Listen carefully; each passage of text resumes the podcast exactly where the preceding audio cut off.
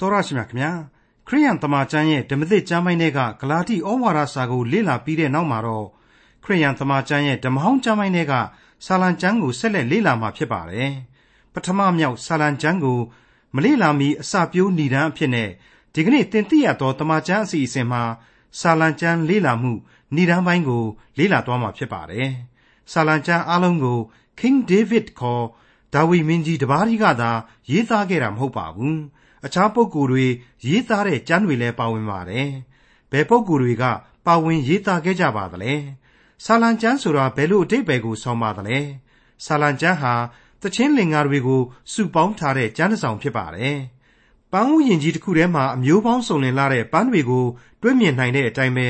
အနုရတတခြင်းလင်္ကာတွေစုံလင်လာတဲ့ဆာလံပန်းဥယျင်ကြီးထဲမှာပန်းပွင့်မျိုးစုံကိုလည်းတွေ့ရမှာဖြစ်တယ်လို့စူးတွေကိုလည်းတွေ့ရမှာဖြစ်ပါတယ်။ ခါသီလာတဲ့သင်္ကန်းစာတွေကိုရယူနိုင်တဲ့အစိတ်ပွင့်တချို့ကိုလည်းတွေ့ရမှာဖြစ်ပါတယ်ခင်ဗျာ။ဖျားရှင်ရဲ့ဂုံကျေးဇူးတော်ကို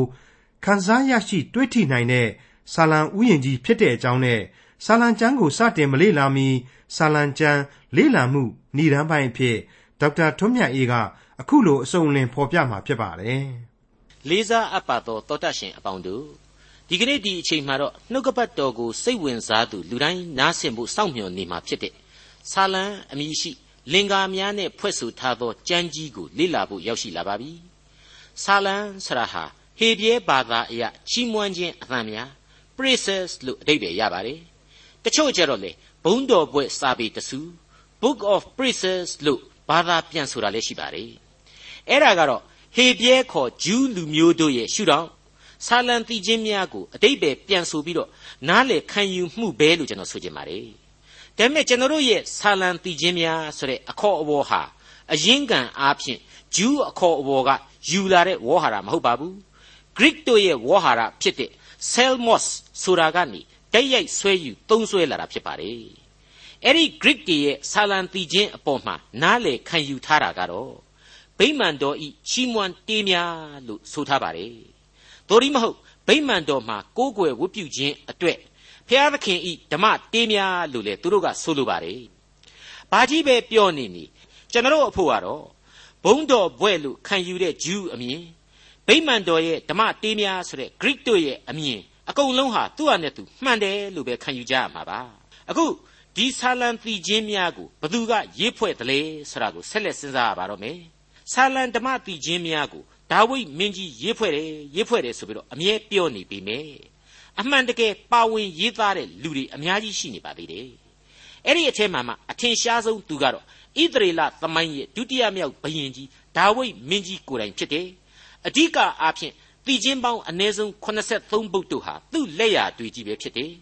ဒါအပြင် Orphanic Psalms လို့ခေါ်တဲ့ဘဝပြည့်အထီးကျန်တယောက်ရဲ့ငိုကြွေးမြည်တမ်းသံပေါင်းများစွာတို့ကိုလေဒါဝိဒ်မင်းကြီးသာလျှင်အဓိကဖော်ကျူးရေးသားခဲ့ပါတယ်။ ဒါကြောင့်မို့လို့လေဆာလံတီချင်းတွေကိုကိုးကားမယ်ဆိုတဲ့အခါတိုင်းမှာဆာလံဆရာဒါဝိဒ်မင်းကြီးရဲ့လို့ပဲကျွန်တော်တို့အများစုဟာနှုတ်ကြိုးခေါ်ဝေါ်နေကြခြင်းဖြစ်ပါတယ်။ဆာလံတေးတွေကိုဒါဝိဒ်မင်းကြီးရေးဖွဲ့တာဟာလေ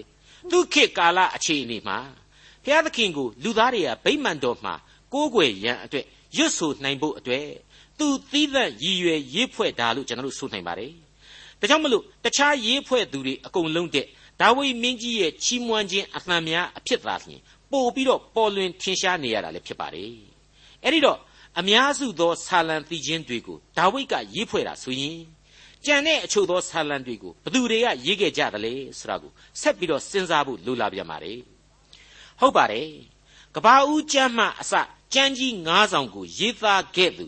မောရှေရဲ့လက်ရာဟာတပုတ်သောဆာလံတီချင်းအဖြစ်ပါဝင်နေတာကိုထူးထူးခြားခြားတွေ့ရပါတယ်။ အဲ့ဒါဟာ60ခုမြောက်သောဆာလံပါပဲ။ပြီးတော့ရှောလမုန်မင်းကြီးရဲ့လက်ရာများဟာလည်းနှစ်ပုတ်ပါဝင်ပါတယ်။ပြီးတဲ့နောက်ဒါဝိဒ်ရဲ့ခေတ်ကဂီတဆရာကြီးများဖြစ်တဲ့ကောရဤသားများလို့ဆိုတဲ့ပုဂ္ဂိုလ်တွေကလည်းဆာလံ7ပုတ်ရဲ့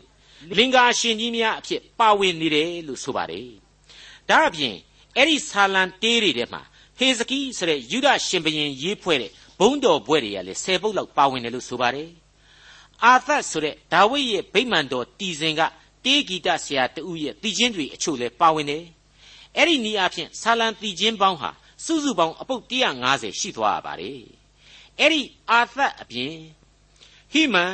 အေသန်ဆိုတဲ့လူတွေရဲ့လက်ရာတွေလည်းပါဝင်တယ်လို့ပြောပါတယ်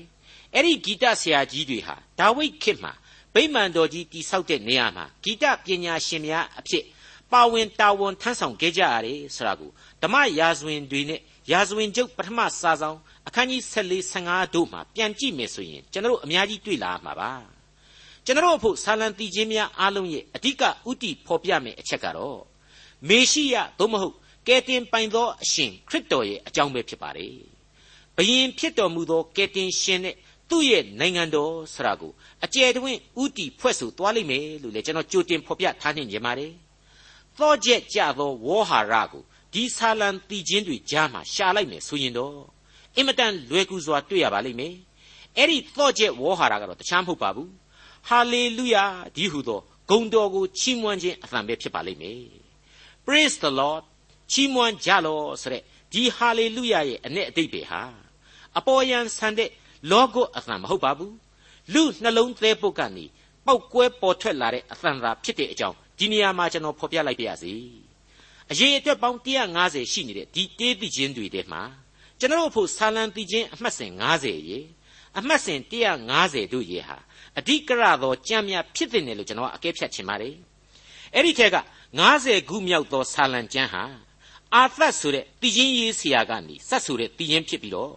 တခြားဆာလံတွေတဲ့ဘုရားသခင်ရဲ့တရားစီရင်ခြင်းအကြောင်းကိုအတိတ်ပဲပုံမများပြားစွာဖွင့်ဆိုပေးထားတယ်။ ဖွင့်ဆိုရမှာပုံမထိမိတိကျမှုရှိတယ်လို့ကျွန်တော်ဆိုချင်ပါတယ်။150ခုမြောက်သောဆာလံသို့မဟုတ်နောက်ဆုံးသောဆာလံကတော့ဟာလေလုယာဆိုတဲ့ချီးမွမ်းသံများအထက်ထက်နဲ့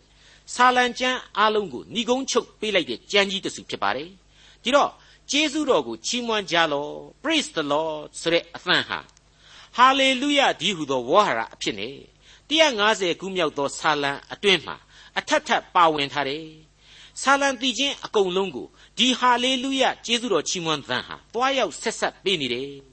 ဒါကြောင့်မလို့150ခုမြောက်သောဆာလံဟာ chorus လို့ခေါ်တဲ့အကြော့ကြော့ပြန်ဆိုရာပဲ့တင်ထပ်စီသောကြံဖြစ်ရလိမ့်မယ်လို့ကျွန်တော်ယင်ထဲမှာခန်းစားရပါတယ်ဆာလံကျမ်းဤသဘောဆိုတာကိုကျွန်တော်ထပ်မံတင်ပြခြင်းပါတယ်ဆာလံတေးသိခြင်းအပေါင်းတို့ဟာဘုရားသခင်ကိုအလွန်အားကိုးယုံကြည်ခြင်းရဲ့အကြောင်း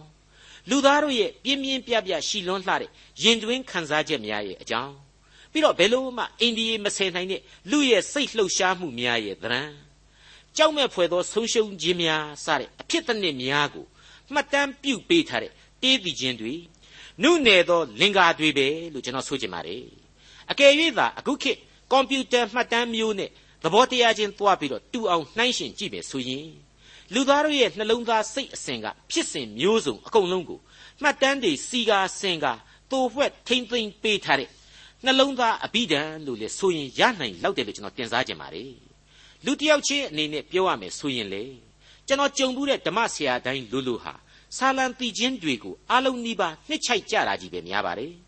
နှုတ်ကပတ်တော်ရဲ့အလေဘဟုမှာရှိနေတဲ့ဒီဆာလံတီချင်းများကိုလူတိုင်းဟာခုံခုံမင်မင်ဖတ်ရှုကြတယ် အလွတ်ရွတ်ဆိုတတ်ကြတယ်ကြက်မှတ်ကြတယ်ဒီကျမ်းလင်္ကာတွေအားဖြင့်လေစိတ်ဝိညာဉ်ခွန်အားများရယူတတ်ကြစမြဲပဲလို့ကျွန်တော်ဆိုချင်ပါတယ်အထူးသဖြင့်136ခုမြောက်သောဆာလံဟာဆိုရင်နှုတ်ကပတ်တော်တအုပ်လုံးရဲ့အလေတဲ့တဲ့ကနေပြီးတော့ထာဝရဘုရားရဲ့သမာတရားဂုံကျေးဇူးတော်ကိုချီးမွမ်းထောမနာပြုပေးနေတယ်လို့ကျွန်တော်ဆိုချင်ပါတယ် Saint Augustine ဆိုတဲ့ပုဂ္ဂိုလ်ကြီးက ဆာလံတီချင်းများဟာအသင်းတော်တို့အဖို့နှုတ်ကပတ်တော်ရဲ့အနှစ်ချုပ်ပဲဖြစ်တယ်လို့ဖော်ပြခဲ့သလို Ambrose ဆိုတဲ့ပုဂ္ဂိုလ်ကြီးကတော့ဆာလံတေးတိချင်းများသည်ကပ္ပအသင်းတော်များဤတခုတည်းသောတံပြိုင်တေးများဖြစ်ကြ၏ဆိုပြီးတော့ဂုဏ်ပြုလိုက်ပါတယ်မာတင်လူသာဆိုတဲ့ပုဂ္ဂိုလ်ကြီးကလည်းဆာလံကျမ်းဆရာဟာတန်ရှင်းသူတိုင်းစွဲကင်ရာကြံမယ်ဖြစ်တယ်လို့ဖော်ပြထားပါတယ်။ John Calvin ဆိုတဲ့သူကတော့လူသားတို့၏စိတ်အစဉ်မှအရေးအသွင်များအားလုံးကို ဆာလံတီချင်းတွေဟာအသက်သွင်းပေးနေတယ်လို့မှတ်ချက်ချခဲ့ပါတယ်လူသားတွေမှာစိတ်ပိုင်းဆိုင်ရာလှုပ်ရှားမှုပေါင်း126မျိုးရှိတယ်ဆိုပြီးတော့စိတ်တဗေဒပညာရှင်တယောက်ကပြောမှုပါတယ်သူ့ဖော်ပြချက်ဟာခိုင်လုံမှုဘလောက်ရှိပြီးတော့ဘလောက်ဟုတ်တယ်မဟုတ်ဘူးဆိုတာကိုကျွန်တော်အကုန်အစင်မသိပါဘူးဒါပေမဲ့အဲ့ဒီ126မျိုးသောစိတ်လှုပ်ရှားခြင်းအကုန်လုံးကိုတော့ဆာလံကျမ်းတွေဟာမလွတ်စရန်ဖော်ပြနိုင်တယ် အကုန်အစင်ဖော်ပြနိုင်တာဟာလေဧကန်အမှန်ပဲဖြစ်တယ်ဆိုတာကိုကျွန်တော်ရဲရဲကြီးဒီနေရာမှာဆိုချင်ပါတယ်ဘာဖြစ်လို့လဲဆိုတော့လူတ attva တို့ရဲ့အတွေ့အကြုံအလုံးစုံကိုဆာလံကျမ်းဟာခြုံငုံမိထားတဲ့ကြံဖြစ်ပါတယ်ဖြစ်စေအောင်လို့လေဘုရားသခင်ရဲ့ဝိညာဉ်တော်ဟာဒီဆာလံတည်ခြင်းများကိုလွှမ်းမိုးလမ်းပြထားခဲ့ပါတယ်ဒါကြောင့်လေကျွန်တော်တို့လူသားတွေရဲ့တန်တရားလမ်းအစ်စ်အချိုးတိုင်းအကွေ့တိုင်းမှာဆာလံတီးပြီးခြင်းအပေါင်းတို့ဟာဒီအကွေ့ရဲ့ကြံတမ်းမှုသို့မဟုတ်ချောမွေ့မှုနဲ့လျော်ညီတဲ့ ဆာလံတီးခြင်းတပုတ်ပုတ်ကိုတော့ပေးစွန်းနိုင်တာကြီးပဲဖြစ်တယ်လို့ကျွန်တော်ဆိုချင်ပါတယ်ကျွန်တော်ရဲ့နှလုံးသားခံစားချက်များနဲ့သူ့ရဲ့ဆာလံတီးခြင်းတန်စင်တစ်ခုခုဟာအစဉ်တစိုက်တိုက်ညီတိုက်ဆိုင်မြဲတယ်လို့ကျွန်တော်ဆိုချင်ပါတယ်ဟုတ်ပါတယ်ကျွန်တော်ရဲ့ဘဝအသက်တာမှာဆိုရင်မပြောချင်လောက်အောင်ဆိုးရွားတဲ့အခြေအနေတွေအောက်ကိုကျွန်တော်ရောက်သွားခဲ့ပူပါတယ်ကမ်းမမြင်လမ်းမမြင်ဆိုသလိုဘာကိုမျှော်မှန်းတန်းတရမှန်းတောင်မသိလောက်တဲ့အထိစိတ်ဆင်းရဲဒုက္ခဝေဒနာကိုကျွန်တော်ကြုံခဲ့ပူပါတယ်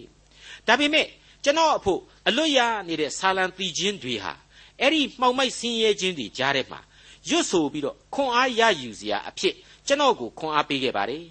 အလွန်ကောင်းမွန်တဲ့စိတ်ဝိညာဉ်အလင်းတန်းများကိုကျွန်တော်ရဲ့အာယုံအတွင်းမှာဆာလံတီခြင်းများအဖြစ်ရယူခံစားစေနိုင်ခဲ့ပါတယ်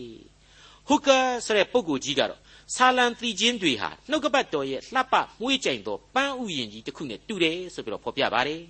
ကျွန်တော်ကဒါကိုစိတ်စိတ်စဉ်းစားပြီးတော့ဆာလံတီခြင်းများဆိုတဲ့အနုယသမြောက်လှတဲ့အနုယသပေါင်းစုံလင်လှတဲ့လင်္ကာဥယျင်ကြီးထဲမှာပန်းပွင့်မျိုးစုံကိုတွေ့ရမှာဖြစ်တယ်လို့စူးကလေးတွေလည်းတွေ့ရတဲ့အခါမှာတွေ့ရလိမ့်မယ်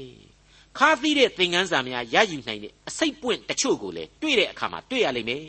ဒီဥယျင်ကြီးကိုတပတ်လှည့်ကြည့်လိုက်ရင်တော့ဖျားသခင်ရဲ့ကြီးမြတ်တော်မူသောဂုံကျေးဇူးတော်များဟာဒီဥယျင်မြင်ကွင်းများကနေတဆင့် သိမ်မွေ့စွာခန်းစားထိတွေ့ရရှိနိုင်တယ်ဆိုတာကိုဒီကျမ်းကြီးဟာတက်တည်ဖော်ပြသွားလိမ့်မယ်လို့ကျွန်တော်တွေးခေါ်မိပါတယ်ဟုတ်ပါတယ်ဒွန်ဆိုတဲ့ပညာရှင်ကြီးကဆာလံတီချင်းတွေဟာလှုပ်ဆောင်စရာအချက်တွေရဲ့ပေးဆက်ရန်အချက်တွေရဲ့ကိုယောနှောသမမျှမျှတတာပေးစွန်းနိုင်တယ်လို့သူ့ရဲ့အယူအဆကိုဖော်ထုတ်ထားပါတယ်ဒါဟာအလွန်ကောင်းတဲ့မှတ်ချက်လို့ကျွန်တော်ဆိုချင်ပါတယ်ဟာဆိုတဲ့ပုံကိုကြီးကလည်းဒီအတိုင်းပါပဲဘယ်အချိန်ဘယ်ကာလနဲ့ဘယ်အခြေအနေမှမဆို မွတ်ဆိုနေအပ်တဲ့အသင်းတော်တို့အတွက်တေးသိခြင်းများဟာဆာလံသိခြင်းများဖြစ်တယ်လို့ဖော်ပြထားပါတယ်ဆာလံသိခြင်းတွေဟာတကယ်တော့ရွေးကောက်တော်မူသောဣသရေလလူမျိုးတော်ရဲ့ကြားထဲကတေးသခြင်းတွေဖြစ်ပါတယ်ဒါပေမဲ့ယုံကြည်သူခရိယန်တွေအားလုံးရဲ့အသက်တာကိုတွေ့ညှိစေပါတယ်ယုံကြည်ခြင်းနှလုံးသားတိုင်းနဲ့အလိုအလျောက်တက်ဆိုင်ခြင်းရှိနေစေပါတယ်အခုသင်သိရသောတမန်ကျမ်းကိုရေးသားပြုစုခဲ့တဲ့ဆရာကြီးဒေါက်တာဂျေဗန်နန်မက်ဂီကတော့ အလွန်ဆန်းသစ်တဲ့အယူအဆတစ်ခုကိုဆာလံတီချင်းတွေနဲ့ပတ်သက်ပြီးတော့အခုလိုဖော်ပြထားပါတယ်ဆာလံတီချင်းများဟာကယ်တင်ရှင်သခင်ခရစ်တော်နဲ့ပြည့်ဝနေတဲ့ကြံများဖြစ်တယ်ခရစ်တော်ရဲ့ပုံလွှာရုပ်ဆင်းဟာဆာလံတီချင်းတွေအပြင်ခရစ်ဝင်တို့တဲ့မလျော့သောမြင်ကွင်းကိုမြင်စေတယ်ခရစ်ဝင်ကျမ်းတွေဟာကယ်တင်ရှင်သခင်ရဲ့တောင်ပေါ်ကိုတက်ရောက်ဆုတောင်းခြင်းအကြောင်းကိုဖော်ပြခဲ့သလို ဆာလံတီချင်းတို့ကတော့သခင်ဆုတောင်းသံများကိုကျွန်တော်စီကိုတိုက်ရိုက်ချထားပေးတယ်ခရစ်ဝင်တို့အဖြစ်သခင်ရဲ့အသေးခံတော်မူခြင်းအကြောင်းကိုသိရတယ်ဆာလံတီးများအဖြစ်အသေးခံစဉ်ကာလသခင်ရဲ့ယင်ထဲမှာဘာတွေရှိတယ်ဆိုတာကိုနားလည်ထိတွေ့ရစေတယ်ခရစ်ဝင်ကျမ်းဆိုတဲ့ဧဝံဂေလိဝမ်းမြောက်ဖွယ်သတင်းတွေအရာကယ်တင်ရှင်ဟာကောင်းကင်ဘုံကိုတက်ကြွပြီးသွားတာကိုကျွန်တော်တို့မြင်တွေ့ခဲ့ရတယ်ဆာလံကျမ်းများအရာ ကောင်းကင်ဘုံပေါ်မှာတည်ရှိစိုးစံနေသောသခင်ကိုမြင်ရစေတယ်။ဒါကြောင့်ဆာလံပီချင်းအပေါင်းတို့ဟာဝိညာဉ်အရှိန်တကူပြင်းထန်သောအသည့်တရားများထွန်းကားစေသောကြမ်းများသာဖြစ်တယ်ဆိုပြီးတော့သူခံယူတဲ့အကြောင်းကိုဖော်ပြလိုက်ပါတယ်။ဒေါက်တာဂျေဗန်နန်မက်ဂီရဲ့ဆာလံပီချင်းများနဲ့ပတ်သက်လို့အလွန်ကောင်းမွန်သောခံယူချက်ပဲဖြစ်ပါတယ်။ဒီခံယူချက်တွေနဲ့ပတ်သက်လို့တကယ်ဆန်းစစ်ကြည့်ရင်ဘသူညင်းနိုင်မှာပါလဲလို့ကျွန်တော်ကမေးခွန်းထုတ်ချင်ပါတယ်။ဟုတ်ပါတယ်။ မငင်းနိုင်လောက်အောင်အထောက်အထားတွေကရှိနေပြီဖြစ်နေလို့ပါရှင်လုကာခရစ်ဝင်ကျမ်းအခန်းကြီး24အငယ်25ကနေ32အတွင်းမှာရှင်ပြန်ထမြောက်လာတဲ့သခင်ဟာညနေနေဝင်ရည်ရောအချိန်ကလေးမှာသူရှင်ပြန်ထမြောက်တာကိုမယုံတည်ုံဖြစ်နေတဲ့ခရီးသည်နှစ်ဦးကိုအေးမောက်ဆိုတဲ့ရွာကလေးကိုသွားတဲ့လမ်းပေါ်မှာအခုလိုပြောဆိုခဲ့တာကိုကျွန်တော်ပြန်လဲဖော်ပြခြင်းပါတယ်ကိုတော်ကလည်းပရောဖက်ဟောပြောသောစကားများကိုယုံနိုင်အောင်ဉာဏ်မရှိ စိတ်ခိုင်မာသောသူတို့ခရစ်တော်သည်ဤသို့ပင်အသေးခံ၍မိမိဘုံစည်းစိမ်တော်ကိုဝင်စားရမည်မဟုတ်လောဟုမိန့်တော်မူ၏ထိုအခါမောရှေ၏ကျမ်းစာမှစ၍ပရောဖက်တို့၏ကျမ်းစာများ၌ကိုတော်ကိုရည်မှတ်၍ရေးထားသမျှသောကျမ်းစာချက်အ내ကိုရှင်းလင်းစွာဖော်ပြတော်မူ၏ထိုတပြည့်တော်တို့သည်တွားသောရွာအနီးသို့ရောက်သောအခါကိုတော်သည်ထိုရွာကိုလွန်၍တွားအံ့သောအချင်းအရာကိုပြတော်မူလျင်ထိုသူတို့ကအကျွန်ုပ်တို့နှင့်အတူဝင်၍နေပါ ညဦးရန်အချိန်ရှိပြီမိုးလဲချုပ်ပါသည်ဟုကိုတော်ကိုကြက်ကြက်သွေးဆောင်ကြ၏ထိုကြောင့်သူတို့နှင့်အတူနေခြင်းဟာဝင်တော်မူ၏စပွဲ၌သူတို့နှင့်အတူလျောင်းတော်မူစဉ်မုံကိုယူ၍ကျေးဇူးတော်ကိုချီးမွမ်းပြီးမှ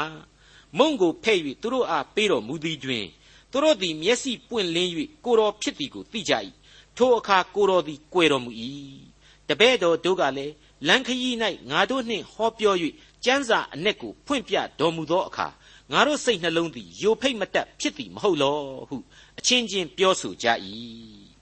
အဲ့ဒီအထက်ကကိုတော်ကိုရည်မှတ်၍ရေးထားသမျှသောကျမ်းစာချက်များလို့ဆိုတဲ့အထက်မှာအခုကျွန်တော်လေ့လာရမယ့်ဆာလံပီခြင်းများဟာလင်္ကာရမြောက်သောဗျာဒိတ်များအဖြစ်ပါဝင်နေလို့ဖြစ်ပါတယ်အဲ့ဒီလိုအမိနာမနဲ့အခုဖတ်ခဲ့တဲ့ကျမ်းထဲမှာရှင်လုကာကမဖော်ပြခဲ့ပေမယ့် ရှေ့ဆက်ပြီးမကြခင်မှာကယ်တင်ရှင်ရဲ့ကိုတော်တိုင်ရဲ့နှုတ်တော်ကနေပြီးတော့ဆာလံကျမ်းများကိုထည့်သွင်းခဲ့ပြန်ကြောင်းကိုအခုလိုတွေ့ရပါတယ်အဲ့ဒါကတော့စောစောကဇဝေဇဝါဖြစ်နေတဲ့သူတွေနဲ့တကွာနောက်ထပ်ကြောင်စီစီဖြစ်နေသေးသူတပည့်တော်၁၁ပါးတို့ကိုယ်တိုင်ကိုခရစ်တော်ရဲ့ပြောစကားပဲဖြစ်ပါတယ်ဒါကိုရှင်လုကာခရစ်ဝင်ကျမ်းအခန်းကြီး24အငယ်36ကနေ44အတွင်းမှာအခုလိုတွေ့ရခြင်းပါပဲထို့သောအချင်းချင်းပြောဆိုသောအခါယေရှုသည်သူတို့အလယ်၌ရပ်တော်မူလျက် သင်တို့အားငြိမ်သက်ခြင်းဖြစ်စေသတည်းဟုမိန့်တော်မူ၏တပည့်တော်တို့သည်တဆေကိုမြင်သည်ဟုစိတ်ချနှင့်ထိတ်လန့်ကြောက်ရွံ့ခြင်းသို့ရောက်ကြ၏ကိုတော်ကလည်းအဘယ်ကြောင့်တုန်လှုပ်ခြင်းရှိကြသနည်းအဘယ်ကြောင့်အထူးထူးအထွေထွေသောစိတ်ရှိကြသနည်းငါလက်ကိုကြည့်ကြလော့ငါခြေကိုလည်းကြည့်ကြလော့ငါကိုပင်ဖြစ်၏ငါကိုကြည့်ရှုစမ်းသပ်ကြလော့ငါသည်သင်တို့မြင်သည့်အတိုင်းအယိုးအသားနှင့်ပြည့်စုံ၏တဆေမြည်သည်ကဤကဲ့သို့မပြည့်စုံဟုမိန့်တော်မူလျက်လက်တော်ခြေတော်တို့ကိုတပည့်တော်တို့အားပြတော်မူ၏ ထိုသူတို့သည်အံ့ဩ၍ဝမ်းမြောက်သောအားဖြင့်မယုံနိုင်ဘဲနေသေးသောအခါသင်တို့၌စားเสียတစုံတစ်ခုရှိသလိုဟုမေးတော်မူလျင်ငားခင်တပိုင်းနှင့်ပြားလဖို့ကိုကပ်ပေးကြ၏ကိုတော်သည်ယူ၍သူတို့ရှေ့မှစားတော်မူ၏တဖန်မိန်တော်မူသည်ကားမောရှေ၏ပြည့်ညတ်သည့်ကျမ်းစာ၌၎င်းပရောဖက်တို့၏ကျမ်းစာ၌၎င်းဆာလံကျမ်းစာ၌၎င်းငါကိုရည်မှတ်၍ရေးထားသမျှသောအချက်တို့သည်ပြည့်စုံရမည်ဟုငါသည်သင်တို့နှင့်အတူရှိစဉ်အခါ သင်တို့အားဟောပြောသောအကြောင်းအရာတို့ကဤအကြောင်းအရာပေသည်ဟု မိန့်တော်မူ၏မိษွေအပေါင်းတို့ခမညာဆာလံသီချင်းတို့ရဲ့လင်္ကာယသတို့အလဲမှာကယ်တင်ရှင်သခင်ခရစ်တော်ရှိနေတယ်လို့ကျွန်တော်ခံယူနိုင်ပါတယ်ဒါကိုကျွန်တော်ကအမြဲညွှန်ပြနိုင်ပါသလားလို့မေးရင်တော့မညွှန်ပြနိုင်ပါဘူးအဲ့ဒီလောက်အထိကျွန်တော်ဒီဟုသောအပြစ်သားမှာဝိညာဏတတ္တိတူမရှိဘူးဆိုတာကိုကျွန်တော်ဝန်ခံရပါလိမ့်မယ်ဒါပေမဲ့ တန်ရှင်းသောဝိညာဉ်တော်ရဲ့လမ်းပြတော်မူခြင်းကျေးဇူးတော်ဟာမေရှိယနဲ့တိုက်ရိုက်သက်ဆိုင်တဲ့ဆာလံကျမ်းပေါင်းများစွာတို့ကိုကျွန်တော်မှအစမိษွေတို့တူးစီကိုရှင်းလင်းပြတ်သားစွာနဲ့ဒီကယ်တင်ရှင်းအကြောင်းကိုဗျာဒိတ်ပြုတ်သွားလိမ့်မယ်နားလေသွားစေလိမ့်မယ်လို့ကျွန်တော်ကြိုတင်ဖော်ပြထားနှင်ခြင်းပါတယ်ဟုတ်ပါတယ်အ ਨੇ ဆုံးမေရှိယအတွက်ဘုံတော်ကိုတီကျူးဖွဲ့နဲ့ဖော်ပြသောဆာလံတီချင်းပေါင်း16ပုဒ်ရှိပါတယ်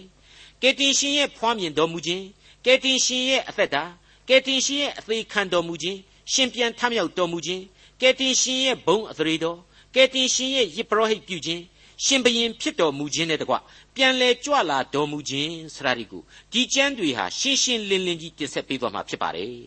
မိတ်ဆွေအပေါင်းတို့ခမညာအကန့်အသတ်နဲ့သာလျှင်ဘောင်တစ်ခုကုတ်ပြီးတော့ဆာလံကျမ်းတို့အကြောင်းကိုတင်ပြရမယ်ဆိုရင်တော့ဒီကျမ်းတို့ဟာယူရခေါ်ဣတရီလသမိုင်းကလူသားတို့ဖွဲ့ဆိုတာဖြစ်တဲ့အလျောက် ကေတင်ရှင်နဲ့ဣသရေလဣသရေလနဲ့ကေတင်ရှင်ဆိုတဲ့အမြင်ကိုသာပို့ပြီးတော့ခန်းစားရစေအောင်ဖော်ပြသလိုဖြစ်နေမယ်လို့ဆိုနိုင်ပါလိမ့်မယ်။ဒါပေမဲ့အဲ့ဒီလိုရွေးကောက်တော်မူသောလူသားနဲ့ကေတင်ရှင်တို့ရဲ့ကြားမှာပြတ်သားစွာဖော်ပြထားတာကတော့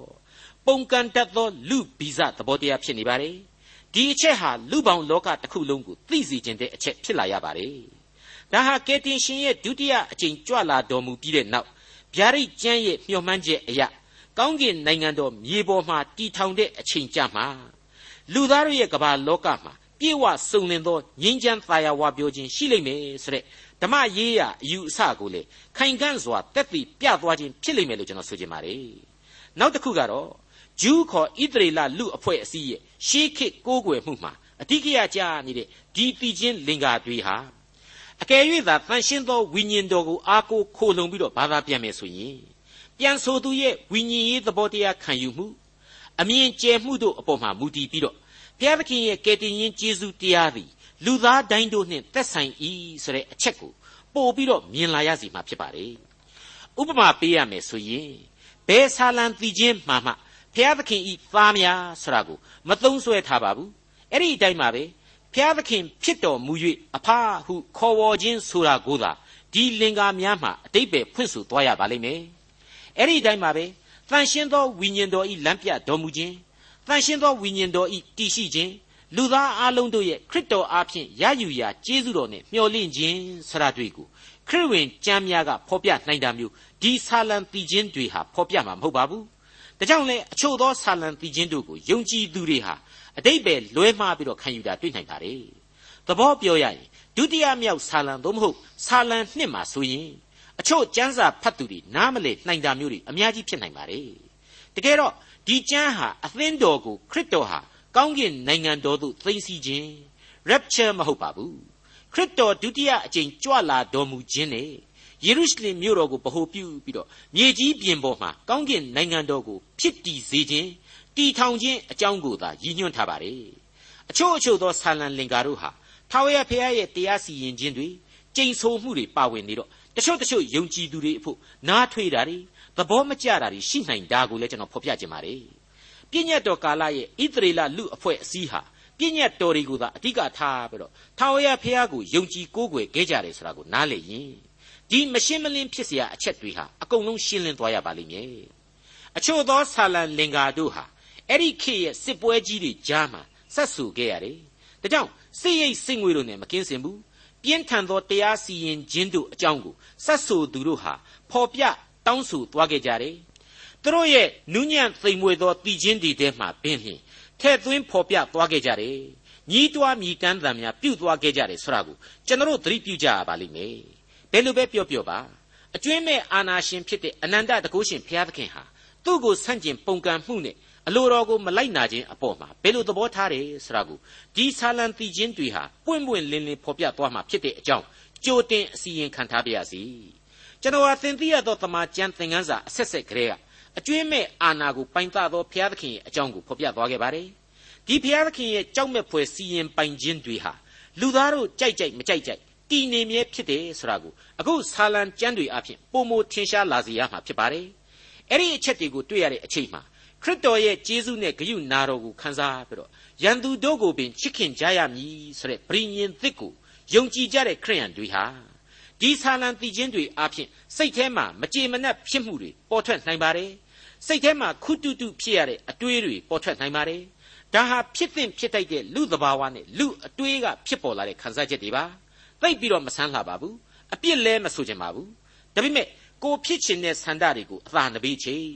ဒီမြေကြီးပေါ်မှာဘုရားသခင်ဟာစီရင်ပိုင်ခွင့်အပြည့်အဝရှိတယ်စီရင်လျက်လဲရှိနေစေပဲဖြစ်တယ်ဆိုတာကိုအစဉ်သတိရရင်ဝယ်ပိုက်ရင်းနဲ့ဒီဆာလံသင်ခန်းစာများကိုစဉ်းစားနားဆွင့်ကြဖို့လိုပါလိမ့်မယ်ခရစ်တော်ကိုဆန့်ကျင်ရန်ပြုမဲ့အန်တိခရစ်ဆိုတဲ့ anti christ ဟာသူ့တကိုးနဲ့သူ့အာဏာနဲ့ကဘာမှာပေါ်ထွန်းလိမ့်အောင်မယ်ဆိုတဲ့လူသားတို့အတိအကျမမျှော်မှန်းမတွက်ဆနိုင်သောအချိန်ကာလတစ်ခုဟာ ရှိနေတယ်ဆိုတာကိုနှုတ်ကပတ်တော်အားဖြင့်ကျွန်တော်နားလည်ထားရပါတယ်ရောက်မလာသေးတဲ့အနာဂတ်အတိအကျရှင်းမပြနိုင်တဲ့စာရန်ကာလလို့ကျွန်တော်ဆိုချင်ပါတယ်ဒီကနေ့ဒီကဘာမှာတောင်မှအဲ့ဒီ anti christ ရှိနေပြီလားဆိုတဲ့အယူအဆတွေဟာလေကဘာမှာပေါ်ထွန်းနေပါတယ်ဆိုးရုပ်ညဉ့်ညမ်းတဲ့ကာလအဝိဇ္ဇာတို့ကြီးစိုးသောကာလဟာအခုချက်ချင်းပဲရောက်ရှိနေပြီဆိုတဲ့အစိုးအမြင်အတွေးအခေါ်တို့ခေါင်းထောင်နေပြီလို့လေကျွန်တော်ပတ်ဝန်းကျင်သတင်းပလင်းတီမှာကြားနိုင်ပါလိမ့်မယ် ကျွန်တော်အဖို့ကတော့ဘုရားသခင်လက်တော်ထဲမှာသာရှိတဲ့ဒီအချိန်ကာလကိုအသေးဆုပ်ကင်ထားပြီးတော့မှတ်ချက်မပေးခြင်းပါဘူး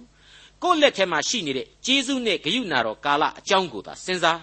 သခင်ချထားပေးတဲ့ကယ်တင်ရှင်တရားကိုသာယုံကြည်ခြင်းနဲ့ခိုင်မာအောင်တည်ဆောက်ဒါဟာအရေးအကြီးဆုံးနဲ့လက်တွေ့အကျဆုံးပဲလို့ကျွန်တော်မှတ်ယူမိပါတယ်မိษွေတော်တတ်ရှင်အပေါင်းတို့ခမညာ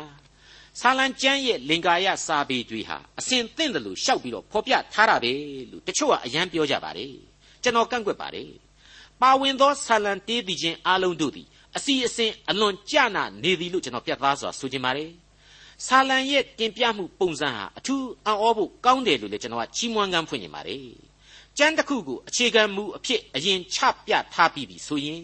နောက်ထပ်ထွက်ပေါ်လာတဲ့ကျမ်းတွေဟာအဲ့ဒီအခြေခံမူဖြစ်တဲ့ကျမ်းကိုရှင်းလင်းအားဖြည့်သွားတဲ့ပုံစံနဲ့ဆာလံတီချင်းအပေါင်းတို့ဟာအစီအီဆက်ဆူထားခြင်းကိုကျွန်တော်တို့တွေ့ရပါတယ် ဒီသဘောတရားကိုဆာလံ1ကနေဆာလံ8အတွင်းကကျမ်းတွေမှားပေးလျင်စောစောစီးစီးတွေ့သွားမှာဖြစ်ပါတယ်လွန်ခဲ့တဲ့နှစ်ပေါင်းအတန်ကြာကစပြီးတော့ဓမ္မအတွေ့အခေါ်ပညာရှင်တွေဟာဆာလံကျမ်းများနဲ့ပတ်သက်လို့သဘောတူလာတဲ့အချက်တစ်ခုရှိနေတာကိုဒီနေရာမှာကျွန်တော်ဖော်ပြခြင်းပါတယ်